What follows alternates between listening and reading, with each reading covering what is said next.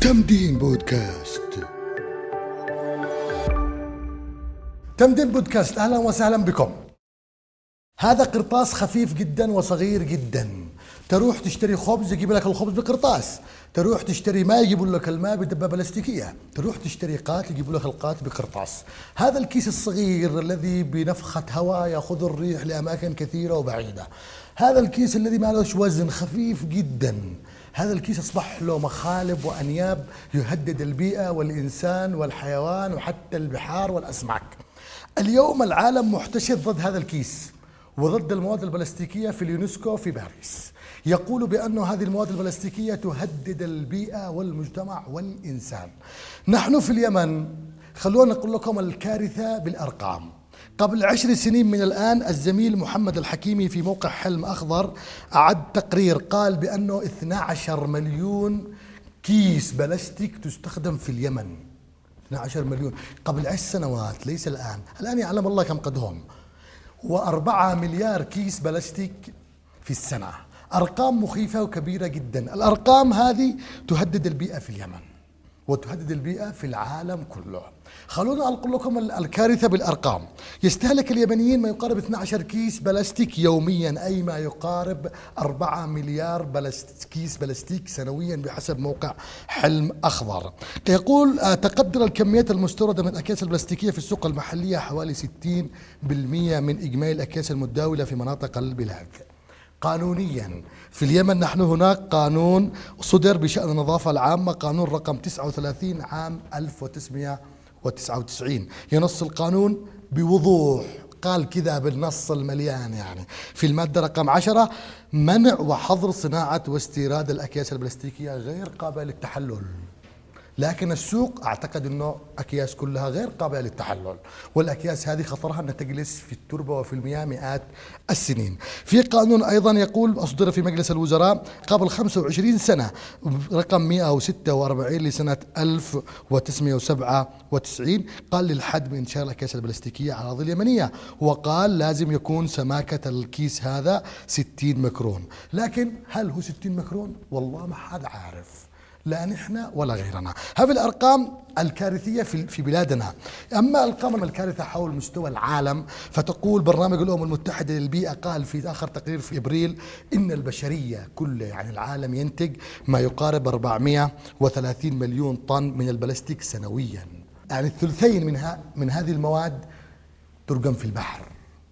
آخر تقرير للبنك الأوروبي للاستثمار يقول أنه في عام 2025 سيكون حجم المواد البلاستيكية في البحار أكثر من الأسماك. الكارثة كبيرة جدا فلهذا دق ناقوس الخطر في العالم. فاجتمع قبل أيام يعني العام الأسبوع الماضي يوم الاثنين في باريس في مقر اليونسكو وقالوا لازم يخرجوا في 2024 بقرار دولي يحد من خطر المواد البلاستيكية. هذا الموضوع أعزائي مستمعين الكرام ومشاهدينا الكرام هو موضوع مهم جدا يهدد البيئة ويهدد الإنسان والحيوان. نحن في تمدين بودكاست قررنا بالتزامن مع اليوم العالمي للبيئة الذي خصصته الأمم المتحدة للحد من خطر التلوث بالمواد البلاستيكية. قررنا أن نفعل حلقة ونستضيف فيه باثنين من الدكاترة. الدكتور فضل النزيلي دكتور في جامعة صنعاء ومختص في هذا الموضوع. أهلا وسهلا بك دكتور. حياكم الله ومرحبا.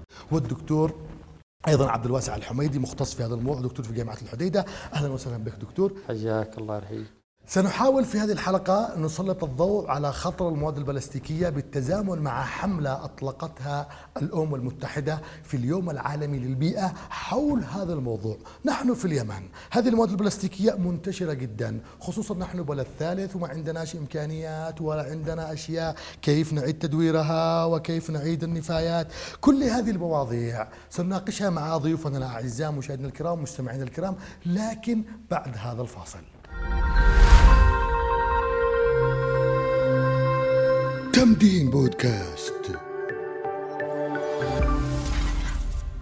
المواد البلاستيكية البعض يقول لك إنه البلاستيك أو العالم يقول إنه البلاستيك هذا أحدث ثورة في عالم الصناعات والتقدمات في. في القرن الماضي، ما أعتقدش إنه في حد يستطيع أن يتخلص أو. أو يقول لك إنه الحياة بدون بلاستيك بتكون أجمل، لا البلاستيك هو عمل ثورة, يعني بالمجال الصناعي، لكن هو سلاح ذو حدين، مثل ما أحدث ثورة لكن هناك له أضرار كارثية على الإنسان وعلى الحيوان وعلى الحياة البحرية وعلى البيئة بشكل عام وعلى المناخ وعلى الاقتصاد برضه.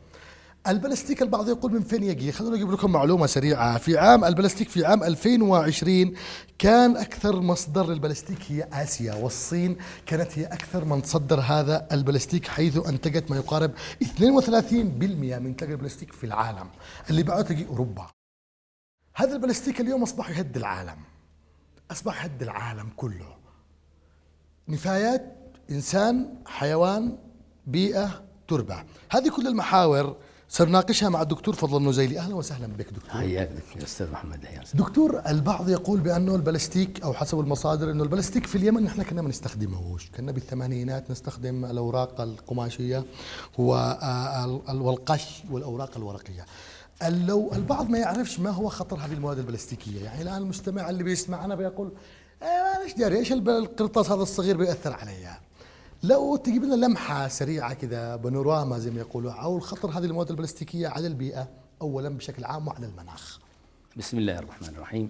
شكرا أستاذ محمد في بودكاست آه تمدين, تمدين. إحنا يعني نتشرف باستضافتنا هنا وموضوع الموضوع البيئي بمناسبة اليوم العالمي للبيئة 5 يونيو 2023 آه، سيكون ربما البلاستيك هو آه، سيحتل المرتبة الأولى في المشاكل التي يعاني منها العالم.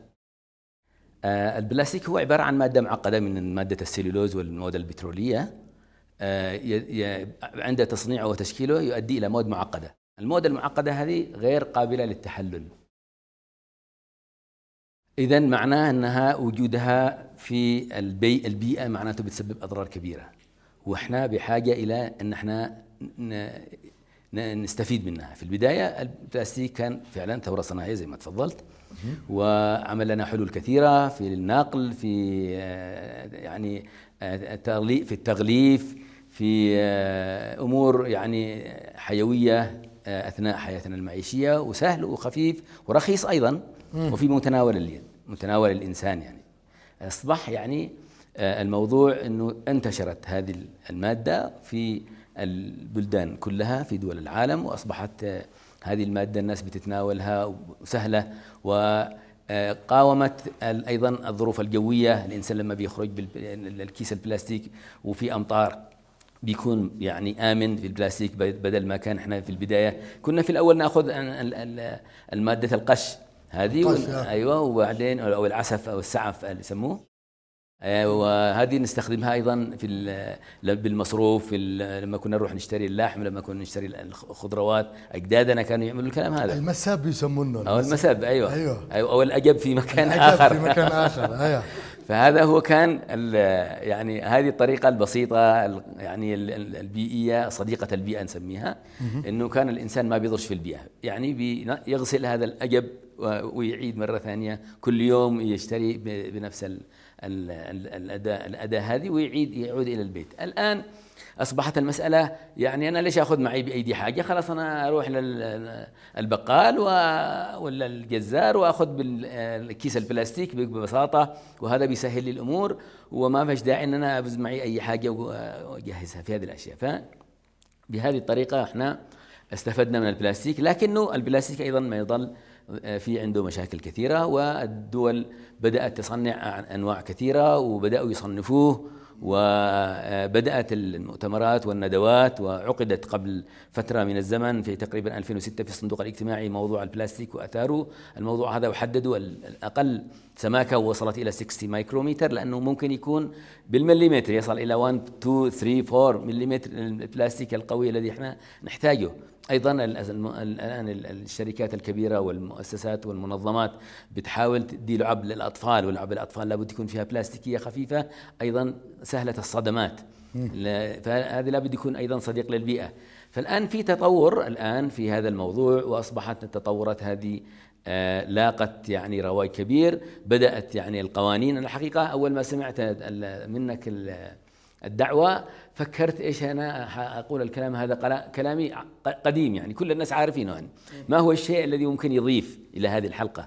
فرحت لواحد من المصانع فقلت لهم أنا اشتي أسمع منكم أنا قد أنا أصلا بزورهم بشكل مستمر باعتبار أنا أدرس مادة البيئة وبأخذ الطلاب معي وأقول لهم إيش المشاكل البيئية اللي عندكم البلاستيك كيف بتصنعوا إيش الحلول اللي بدأتوا كذا؟ فهم قالوا لي بدأت هيئة حماية البيئة تتابعهم في إضافة مواد لهذه ال- للبلاستيك آه، عشان يكون قابل للتحلل.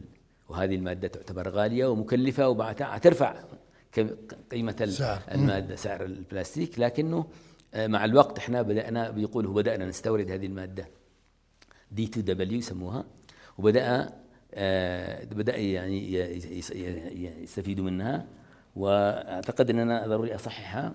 هي فعلا WTD هذه المادة؟ هذه المادة. أيوه. وفي هو قال لي أيضا إنه كان في في في مصر حتى الآن كالسيوم كربونات الكالسيوم كربونات بيضيفوا أيضا للبلاستيك أرخص بالنسبة لهم و آه، بيبيعوه يعني أقل من كلفة المادة البيئية الذي يعني الذي بدأت تصنع وتنتشر الآن.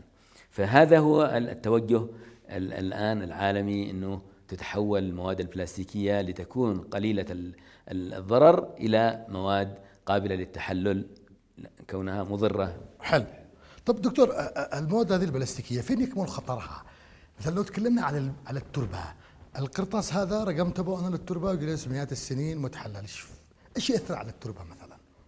أوكي يعني إن إحنا الآن لو لو حددنا هي ما هي مشاكل أو أضرار هذا البلاستيك نبدأ من التربة، التربة يعني آه، حيمنع آه، تنفس التربة. يعني لما يقفل على المسامات حق التربة معناته بيغلق عليها، بيغلق على المسامات، بيمنع ال ال ال الأحياء الماء ال- ال- الأحياء ال- الدقيقة والحشرات الذي موجودة وبتساعد التربة ويقلل من خصوبتها في هذه الحالة فهو بيعمل ضرر للتربة وبالتالي للنبات. جميل. طب في المياه المياه مثلا لو رقمنا بهذا القرطاس لبئر أو لخزان ماء أو لنهر إيش بيأثر على المياه برضه؟ طبعا إذا هو ال- البلاستيك بالذات يعني الضرر حقه للإنسان يكمن في إنه يتحلل جزء منه إلى المحيط. وهذا ما ثبتش آه، حتى الآن إلا في المواد اللي هي الحارة. إذا دخلت له- مادة حارة يبدأ يتحلل ويصدر آه، مواد تدخل في المادة اللي في داخل الكيس يبدأ يتضرر منها الإنسان. وممكن هم وصلوا إلى إنه الأمراض الخطيرة اللي ما فيش لها علاجات فهذه تكون لها أضرارها بالنسبة للإنسان. الإنسان طبعا يعني آه، المياه يعني في المياه بالذات يعني لو قلنا إنه بيقولوا انه الآن يعني رمي البلاستيك هذا في ال- البحر بيأثر على الفقمة بيأثر على الأحياء المائية بيأثر على الشعاب المرجانية بيقفلها بيسد التنفس حقها بيصيبها بال- بالموت إلى آخره. هذا بالنسبة للمياه الأحياء البحرية أيضا. في آه، مواضيع أخرى تخص الإنسان. آه، زي ما قلنا آه، عندما يشرب مواد في خصوص آه، في خصوص حارة. في خصوص الحياة البحرية في تقرير يعني دراسة أجراها الصندوق العالمي للطبيعة تقول الم- البلاستيك يأثر على صحة 88 نوع من الكائنات البحرية و90 نوع من الطيور البحرية و52% من السلاحف البحرية. هذه ال- الإنسان لما يتناولها أعتقد أنه تاثر عليه برضه كمان. طبعا هو الإنسان ما بي... الحياة البحرية بشكل عام. طبعا هذا الحيوانات ما بتعرفش. يعني باعتبار إنه حيوان هو لما بيجي يلتهم ال- ال- البلاستيك على اعتبار إنه مادة بالنسبة له تؤكل ويصادف أو يفاجأ إنه وصلت إلى الجهاز التنفسي وأقفلت له الجهاز التنفسي والجهاز الهضمي وعملت له قتل موت. ممكن أيضا يغلفوا ال- الكيس ويقفل عليه. زي زي ما شفنا في بعض الصور الذي موجودة بالنسبة للسلاحف. أيوه فهذه يعني الإنسان ما بيتناولش المادة لكنه ممكن تتحلل المادة. طبعا هو ال- المادة دي ممكن تتحلل ممكن في مواد يعني مسرطنة يسموها. إذا تحللت والتحلل ما يكون إلا عن طريق إذا يعني المادة تكون حارة في البلاستيك يبدا هو يتحلل المادة الدايكسين ومادة المواد الأخرى الخطيرة اللي تؤدي إلى الإضرار بالإنسان إذا شربها أو اكلها طب مثلا أنا أسأل مثلا الدكتور هنا سؤال. ال- لما أروح المخبز وأشتري خبز وأحط الخبز هذا الدافي ببلاستيك أو أشرب شاهي بقلص بلاستيك هل هذا يؤثر مثلا؟ هل هناك ضرر في هذا الموضوع؟ آه، طبعا هو محتاج أبحاث أكثر من هكذا يعني حلو. إحنا نحتاج نعمل أبحاث ونحتاج نعمل تحاليل عشان يكون في نوع من ال- الرصد والمتابعة والمراقبة إلى هذه المواضيع وتحتاج إلى مننا إلى أبحاث عشان نحن نوصل إلى نقاط علمية وطبية عالية. لكن هو هذا اللي العلماء الذي بيتكلموا فيه إنه إذا كانت المادة ساخنة ويعني قفلت بهذه المادة البلاستيكية خلال فترة معينة تبدأ تصدر مواد مضرة بالإنسان وتصب في هذه المادة اللي داخلها وأكثرها تكون سائلة أكثر من أنها تكون جامدة يعني. يعني أنا أعتقد إنه اليمنيين كلنا وأنت كدكتور قشهت هذه المشاهد تمشي في طريق وتحصل شجرة وكلها قراطيس اجى الريح لفلفها وأصبحت تثمر قراطيس. ما آثر هذه المواد البلاستيكية على الأشجار مثلا؟ هي ممكن تسد مسامة الأشجار من التنفس. ممكن تعمل تشوه أيضا نظري أو بصري يسموه. هذه آه، زي ما قلنا أيضا مش فقط توصل إذا وصلت للتربة ت- تحجب ال- النمو حق النبات. هذه هي عبارة عن أضرار يعني آه، يعني واضحة للناس الأشياء. طب نحن في اليمن خلينا نتكلم دكتور في إدارة النفايات. نحن في مقلب الأزرقين أو مقلب مفرق شرعب وهؤلاء آه، يعني أشهر مقلبين في الجمهورية اليمنية. يتم حرق هذه المواد البلاستيكية. هذا الحرق في دراسة سابقة أنا قرأتها لجامعة صنعاء قالت بأن هذه المواد اللي تنتج من حرق المواد البلاستيكية لها أضرار على الإنسان. تنتج تقرحات جلدية وأمراض تنفسية. هل يعني أنت كدكتور مختص وتدرس في البيئة واليوم نتكلم عن هذا الموضوع إلى أي مدى هذا الموضوع حقيقي وصحيح مثلا؟ زي ما قلت لك إنه المواضيع الطبية إحنا لا نستطيع أن نتدخل فيها في هذه العجالة حلو. البسيطة وهذه يحتاج أطباء. إنما إحنا يعني كمهندسين بيئيين أنا- أنا عملت تقييم لبعض المحارق في ال- الوحدات الطبية وال- والمحارق أيضا المقالب اللي موجودة. والحرق هذا طبعا بيسبب آه، تصاعد مواد زي الدايكسين زي المواد المركبة الذي بتأثر على البيئة وبتاثر على الإنسان. وهذه محتاجة درجة حرارة عالية حتى هكذا لما بتوصف إنها محتاجة درجة حرارة عالية تصل إلى آه، ألف درجة مئوية 800 درجة مئوية 700 درجة مئوية حتى تصل إلى أنها تتحلل الدايوكسينات وتصبح مواد آه، تستطيع أنها تت- تتوزع في الهواء الجوي. لكنها بالفعل آه، يعني آه، الأدخنة إحنا بنعتبر أن الأدخنة بيئيا مؤثرة على ال- البيئة و آه، يعني ال- الاحترار الآن الذي موجود والتغير المناخي و يعني بيئة الإنسان الطبيعية. أوكي. شكرا دكتور فضل. أنا اعود لك بس بتحول للدكتور عبد الواسع. دكتور أهلا وسهلا. أنا اول في بداية الحلقة قلت إنه في قوانين صدرت في الجمهورية اليمنية قانون بخصوص النظافة حرم بشكل صريح إنه استخدام وحظر هذه المواد البلاستيكية. قانون مصدره مجلس الوزراء أيضا قال إنه لازم يكون هناك معايير محددة. برايك دكتور لماذا لم هذه القوانين بقت حبل على ورق حتى هذه اللحظة مثلا؟ طبقات في الحقيقة الموضوع ال- ال- المجال القانوني في اليمن ما زال لحد الآن ضعيف. يعني هناك تقريبا قانون النظافة 1999 ولدينا قانون ال- البيئة 1995 ولدينا قانون البيئة البحرية 2004 والقرار الصادر من مجلس الوزراء بعام 1977 97 97 نعم. المشكلة فين؟ إنه قرار مجلس الوزراء حدد إنه ال- أول مرة حظر استيراد البوادر البلاستيكية التي تقل سماكتها عن 70 ميكرون. وعمل شروط بالنسبة للمنتجات ال- الداخلية. المحلي 60 ميكرون والخارجي 70 ميكرون. لكن قد يعني أنا أتذكر في عام 2000 كنت أعمل في جمعية الصناعيين اليمنيين وأثير هذا الموضوع. فالصناعيين قالوا طيب طيب الآن نحن نستورد آه، عشرة آه، عشرة طن. من البلاستيك. عشرة طن من البلاستيك. في نهاية المطاف قالوا إذا أستطعنا أن نصنع بهذه ال- ال- ال- السماكة المرتفعة سنحتاج إلى 46 طن. يعني من 10 طن بالسنة سنحتاج إلى مواد أولية. يعني سترتفع الكلفة. وقالوا أيضا حتى احتجاجاتهم قالوا ما الذي يضمن أنه هذه ال- ال- المنتجات البلاستيكية أنها تتحلل أو ما الذي يضمن بعلمية إنه هذه حينما تتحلل؟ لا تضر بالبيئة. حقيقة لا يوجد هناك فيما ما يتعلق بجانب تطبيق آه، أو رقابه البيئة. آه، في الجانب القانوني لا يوجد آليات واضحة في نصوص عامة.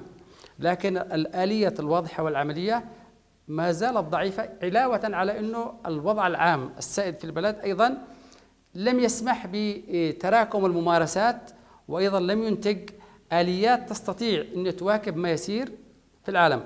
أصبحت الآن مثلا لما تجي الآن ال- الأكياس البلاستيكية تجد معظم الصناعات كم؟ خمسة خمسة ميكرون. سفر المائدة خمسة ميكرون. الأكياس هذه اللي نأخذها ما بين ثمانية إلى تسعة ميكرون. ميكرون. إلى أعلى حاجة خم... آه 15 ميكرون. بينما في القانون يقول لك إنه المحل الانتاج أقل شيء يكون سماكته 60 ميكرون. والهدف منه إيش؟ الهدف منه إنك تستخدم الكيس عدة مرات. مم. لأنه يكون السماكه مرتفعه تستخدم الكيس عدة مرات. ما ترميش. هذا الكيس الصغير الخفيف الآن. استخدام واحد. استخدام واحد. وهذه المشكلة. وهذه هي المشكلة. ولذلك أنا ربما أصحح بعض المعلومه التي ذكرتها. أنا قرأت تق- تقارير تقول إنه في 2008 تقرير رسمي. يقول إنه حجم ما يستهلك اليابانيين في السنة؟ 43 مليار كيس. أنا انذهلت من هذه الأرقام. الآن إذا إذا حسبت كم فارق المدة إلى 2023 كم سيرتفع من 43 مليار إلى آه، الآن تقريبا كارثة. كارثة كارثة. ولذلك قرأت تقرير آخر يقول إنه إذا استمر استهلاك الأكياس البلاستيكية بهذا الشكل خلال قرن سيرتفع ال- المنسوب الأكياس ال- ال- المواد البلاستيكية لما يساوي متر. أوه بالنسبة بيغطي. بيغطي الأرض الزراعية. بيغطيها بيغطيها. وحتى الد- الدراسات العلمية تقول إنه الت- التحلل أيضا مش عملي. الآن مشكلته إنه نحن آه، حتى في آه، هيئة المقاييس الآن يريدوا ان يطبقوا مسألة إنه ال- القرار الذي يقول إنه ال- المحلي يكون 60 ميكرون والخارجي 70 70 لكن المشكلة مش في هذا الجانب الآن. المشكلة في كيفية المنع. كيفية إيجاد صناعات بديلة. لأنه العالم الآن كثير من الدول اتجهت إلى أنه منعت مثلا عندها خطط. المغرب الآن ممنوع تماما أي في في المخابز ممنوع أي استخدام مواد. بلاستيكية. نهائيا. بنغلاديش منعت نهائيا منعا باتا. في دول الآن حتى الأمم المتحدة حينما وضعوا في عام 1992 وضعوا الاتفاقية الاطاريه للمناخ اتفاقية عامة وبالمناسبة شاركت فيها آه، منظمة المجتمع المدني بشكل عام. قضية المناخ بالذات هذا هو الذي آه، اثاره وشارك فيه منظمة المجتمع المدني في العالم. لكن أعود إلى الجانب القانوني. الأمم المتحدة في نهاية المطاف وجدت نفسها أن الاتفاقيات لا تتطرق لهذه التفاصيل. ولذلك الآن أقروا مبدأ إنه يتم التوصل إلى اتفاقية دولية ملزمة للدول. والآن عاملين إطار مناقشات بين الدول كلها. كل الآن كل الدول تشكل آه، آه، فرق للمناقشة مع الأمم المتحدة حتى يصلوا إلى اتفاقية دولية ملزمة في عام 2024 أوكي. طب دكتور آه، هذا الكلام مهم. لو تحدثنا نحن في اليمن الآن مثلا الجهات المعنية خلال العقدين الأولين ما كانش في أي تجاوب. ما هو دورها مثلا الآن مع احتشاد العالم؟ آه، ما ما اللي يمكن أن تعمله هذه الجهات المسؤولة مثلا للحد من هذه الكارثة؟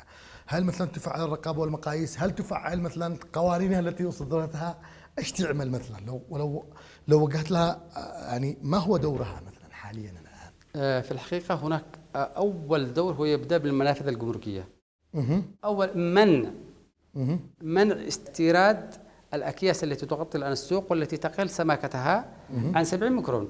حل هذا أول شيء هي تقوم بهذا الجانب. والشيء الثاني إنه أيضا تقوم بإعفاء المواد التي تدخل في الصناعة البلاستيكية وتؤدي إلى تحللها تعفيها من الجمارك. مه. لأنه الآن لأنه المواد التي تؤدي إلى التحلل مرتفعه الثمن. وإذا أضفت عليها جمارك سيكون أكثر ارتفاعا. اذا سيكون الم- المنتج المحلي مش قادر يصمد. وبالتالي هذه أول خطوات أيضا الخطوات الثانية بالجانب ال- ال- الجانب التوعوي الجانب التوعوي هذا مغفل تماما. الناس يجهلون ما إنهم يخنقوا أنفسهم. ب- ب- من خلال يعني لازم يكون في إعلام. لابد يكون في الجانب الإعلامي حاضر بقوة. لأنه خصوصا مع الظروف الحالية ال- المؤسسات يعني آه، لا تؤدي آه، دورها بالشكل المطلوب. لذا الجانب الإعلامي كيف توعي الناس؟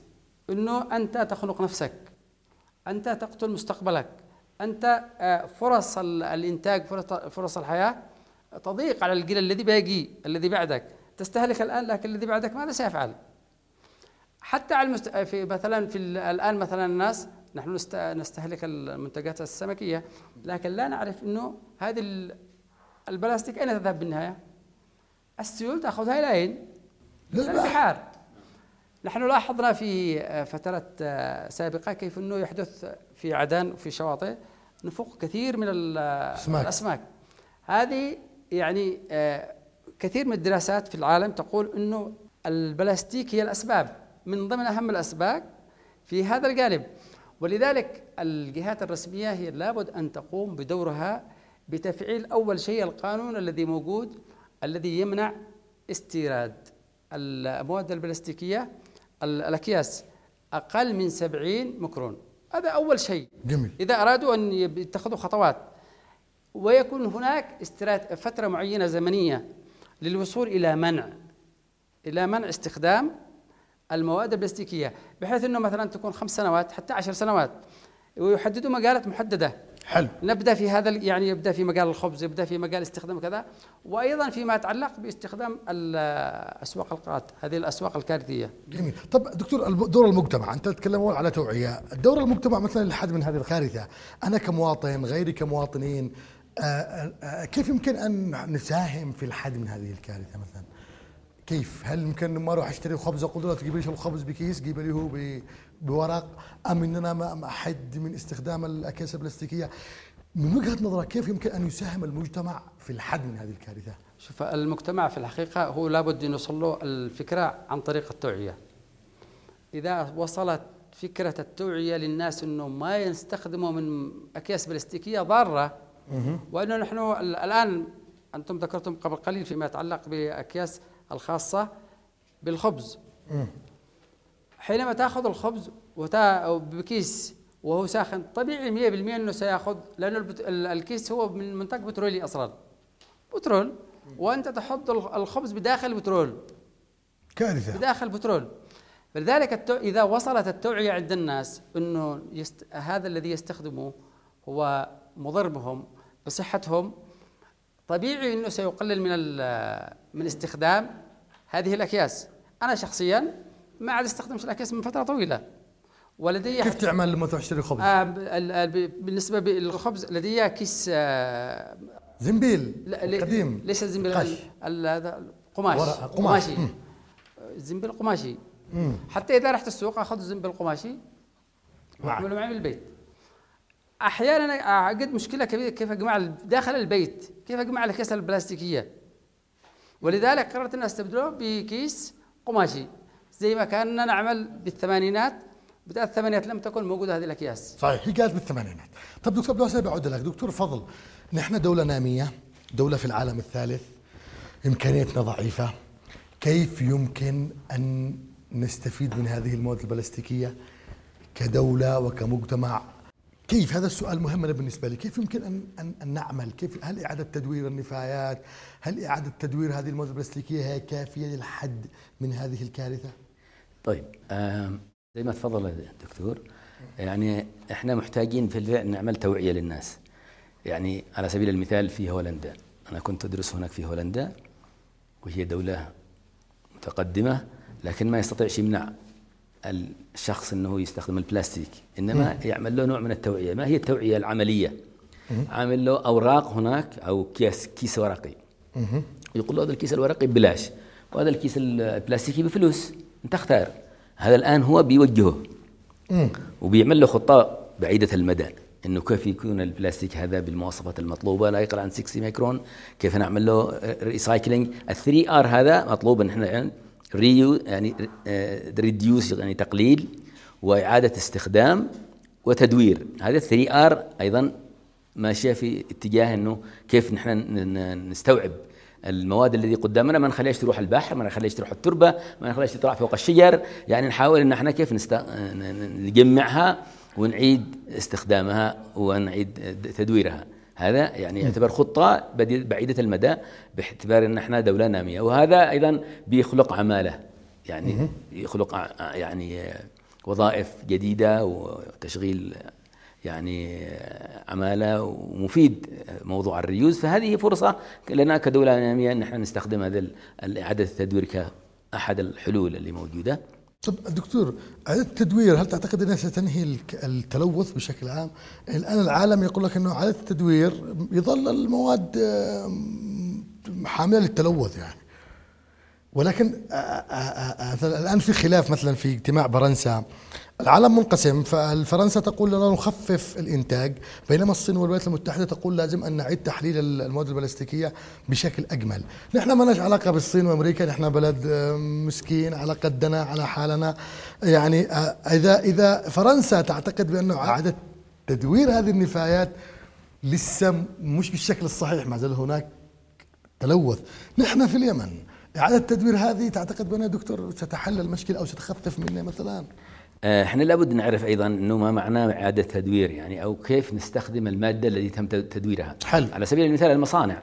مصانع البلاستيك الآن الذي بتستغل تستخدم البلاستيك إذا حصل أي آه، يعني آه، تشوه أو خطأ في المادة تتحول المادة البلاستيكية المطلوب إعادة تدويرها إلى مثلا مواسير الكهرباء الداخلية. أدوات لا تتعلق بالإنسان. ما لا هي للشرب ولا هي للأكل لكنها بعيدة. فهكذا تكون الاستخدام حق الأنابيب البلاستيكية الأنابيب المياه. أنابيب المياه البلاستيكية عندما يحصل لها أي تشوه تتحول إلى إعادة الاستخدام وأصبحت غير صالحة لاستخدامها كأنابيب للشرب لاستخدام الشرب. لكن تستخدم بنفس الطريقة البنا- المواد البلاستيكية الأكياس نفس الطريقة. الكيس الذي الآن أستخدم إعادة استخدامه لا يعود إلى إن إحنا نستخدمه الكيس. للأكل للشرب لل- للمواد اللي تضر بالإنسان أو لها علاقة يعني مباشرة باستخدامات الإنسان جميل دكتور آه، عبد الواسع لو تكلمنا اليوم مثلا إنه المجتمع ينقص توعية الجهات المسؤولة بوصاب الوضع أصبحت ما تقومش بدورها بشكل فعال دور منظمات المجتمع المدني في هذا الوضع إيش؟ في الحقيقة هو ال- الدور الأساسي في هذا الجانب أنا أراه هو على منظ- منظمات المجتمع المدني. أعتقد أن له مستويين من هذا الدور. أول مرة كل منظمة من منظمة المجتمع المدني في إطار خططها أنها تقوم بدور توعوي تعمل في هذا الجانب أولوية أولوية كبيرة. والمستوى الثاني أن تعمل تنسيق فيما بينها. المنظمات تعمل تنسيق فيما بينها بحيث تكون التوعية تاخذ آه، صدى آه، شعبي أوسع ومنظمة المجتمع المدني. أنا أعتقد أن لديها ال- القدرات إنها تستطيع توصل الرسالة. وأيضا آه، يعني إذا عدنا مسألة البيئة بشكل عام قوانين البيئة في العالم كله صنعتها منظمة المجتمع المدني. الاتفاقية الدولية كلها من وراها منظمات المجتمع المدني حتى الآن فيما يتعلق بالبلاستيك من وراها منظمات المجتمع المدني. إذا منظمات المجتمع المدني حاضرة في كل اتفاقية الدولية يجب أن تكون هنا حاضرة في اليمن وأن تكون أيضا مشاركة أن تكون مشاركة في النقاشات التي تجرى الآن فيما يتعلق بالترتيبات التي تجريها الأمم المتحدة لإصدار قانون دولي آه، خاص ملزم. هنا في اليمن لابد أن تكون التوعية كما قلت لك تأخذ بعدين على على مستوى كل منظمة وأيضا على مستوى التشبيك فيما بين المنظمات ال- وأيضا لابد أن يكون لها دور امتداد إلى المدارس. حلو المدارس خطوة مهمة جدا لابد أن يكون هناك وحتى يكون يوم بإمكان المنظمات المجتمع المدني أن تقترح يوم وطني للبيئة. تكون يوم محدد يكون في تحفيز أو خلق آه، توجهات معينة خصوص وتركز على المدارس في هذا اليوم بحيث إنه تتحول المدرسة إلى مكان بيئي لأنه الطفل حينما يتعلم شيء في المدرسة يحاول إنه طبقه في البيت. يطبقه في البيت. ولذلك آه هذا الدور أنا أرى إنه في إطار هذا الوضع ال- القائم إنه منظمات المجتمع المدني هي التي بإمكانها أن تقوم بدور التوعية. صحيح إنه آه، تحتاج إلى إمكانيات لكن هذه الأمور بالإمكان أيضا التنسيق مع أطراف داخلية وأطراف خارجية حتى تستمر تسير اليمن في إطار التوجه العالمي. الموجود في هذا الشأن. جميل. آه، الدكتور فضل ف- آه، مثلا لو كنت أنت الآن صاحب قرار وصاحب سلطة في مسألة المواد البلاستيكية ما هي أبرز التوصيات أو القرارات التي بتتخذها للحد من هذه الكارثة؟ عادة إذا إذا واحد يشتي يبدأ يعني علمي لابد يعمل خطة والخطة زي ما تفضل الدكتور أيضا تبدأ بالتوعية رقم واحد. رقم اثنين إحنا لابد نحط نحط يعني أمامنا مواصفات. وزي ما هو موجود عالميا في المواصفات في البلاستيكية وفي عندنا تقريبا سبعة أنواع من البلاستيك منها أنواع آه، آمنة ومنها أنواع غير آمنة. رقم ثلاثة لابد أن إحنا نعمل حاجة اسمها الرصد والمتابعة. لابد أن إحنا نرصد ونشوف يعني هل الخطط الذي بن والخطط وال- والاستراتيجيات الذي إحنا نطمح لها وبنخطط لها هل بتتنفذ ولا لا؟ اذا لا تحتاج تحتاج لها متابعة و- ومراقبة آخر حاجة طبعا يفترض إنه آه، يعني لابد إن إحنا آه، نبدأ نبدأ بموضوع آه، آه، الحد التدريجي من موضوع البلاستيك وخلق بدائل. مش فقط أنا أقول للناس ممنوع وما فيش عندي بدائل. لابد إن أخلق لهم بدائل والبدائل تكون أيضا رخيصة وفي مناول ايديهم ويستطيع الإنسان إنه يحصل عليها وهذا هو يعني. جميل. طب دكتور بس نفس السؤال. أنت الآن يا دكتور عبد الواسع لو آه، قلت لك ما هي أبرز التوصيات التي توجهها للمجتمع المدني وللمجتمع والجهات المسؤولة؟ وإذا كنت آه، ذات يوم صاحب سلطة وما الذي ستعمله لكي تحد من هذه المشكلة؟ تفعيل القوانين. أول شيء تفعيل القانون. وإيجاد أجهزة أو إدارات آه، ضبطية آه، سريعة التفاعل بهذا الجانب. أيضا فيما يتعلق بالمجتمع منظمات المجتمع المدني أنا آه، أتمنى أن تكون آه، لديها ال- القدرة على خلق توجه أو صناعة رأي عام فيما يتعلق بالمواد البلاستيكية خصوصا الأكياس هذه التي أصبحت يعني الآن لا تستطيع أن تسافر من مدينة إلى مدينة إلا وترى الأشجار كلها ألوان ألوان متعددة. ولذلك ال- أرى أنه أول التوصيات موجهة أعتقد أكثر إلى منظمات المجتمع المدني. ومنظمات المجتمع المدني يمكنها أيضا أن تتواصل مع الجهات ال- الرسمية في مختلف مناطق اليمن تحركها على الأقل. يعني تضخ فيها شوية من من روح المسؤولية حتى يستطيعوا على الأقل تفعيل ال- القانون الموجود بكل سلبياته. فيما يتعلق بحظر استيراد المواد البلاستيكية غير قابلة للتحلل وأيضا بتطبيق آه، المواصفات على الصناعات البلاستيكية بشكل عام. هذه أنا أراها وأيضا ما ما يتعلق بالتوعية أيضا إلى المدارس. لابد أن تكون هناك توعية بالمدارس وأيضا عمل يوم وطني أو اقتراح يوم وطني. فيما يتعلق بحالة البيئة في اليمن تكون فيه بمثابة تحفيز لكل الأطراف أطفال ورجال ونساء حتى يتفاعلوا مع قضية الأكياس البلاستيكية. شكرا جزيلا لك دكتور عبد الواسع الحميدي دكتور في جامعة الحديد المختص في البيئه شكرا دكتور فضل النزيلي نائب آه، مركز البيئة والمياه. آه، كنتم معنا في هذه الحلقة التي خصصناها لليوم العالمي للبيئة الذي أيضا خصصت الأمم المتحدة آه، هذه العام لدحر والتلوث بالمواد البلاستيكية. المواد البلاستيكية هي خطر كبير جدا. في المقابل البلاستيك هو ثروة صناعية كبيرة جدا. هذه المواد نحن في اليمن أصبحنا نشاهدها بكل مكان. تروح قرية وتحصل القرية مغروقة بهذه الأكياس. تروح المدينة تحصل المواد البلاستيكية موجود على أرصفة بكل مكان. اليمنيين نحن نشرب ماء ورقمنا بالدباء شلينا قرطاس ورقمنا في القرطاس. السؤال هنا أين تروح هذه القراطيس؟ تروح البحار أو تروح المياه أو تروح التربة؟ هذه الأشياء ترجع لنا ترجع لنا بأمراض وكوارث كبيرة جدا بحسب تقارير طبية وتقارير موثقة لمنظمات الأمم المتحدة.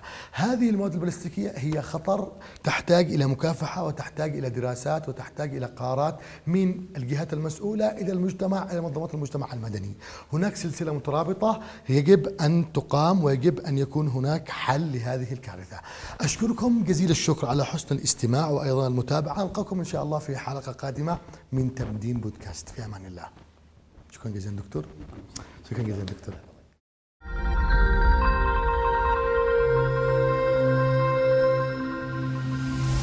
تمدين بودكاست.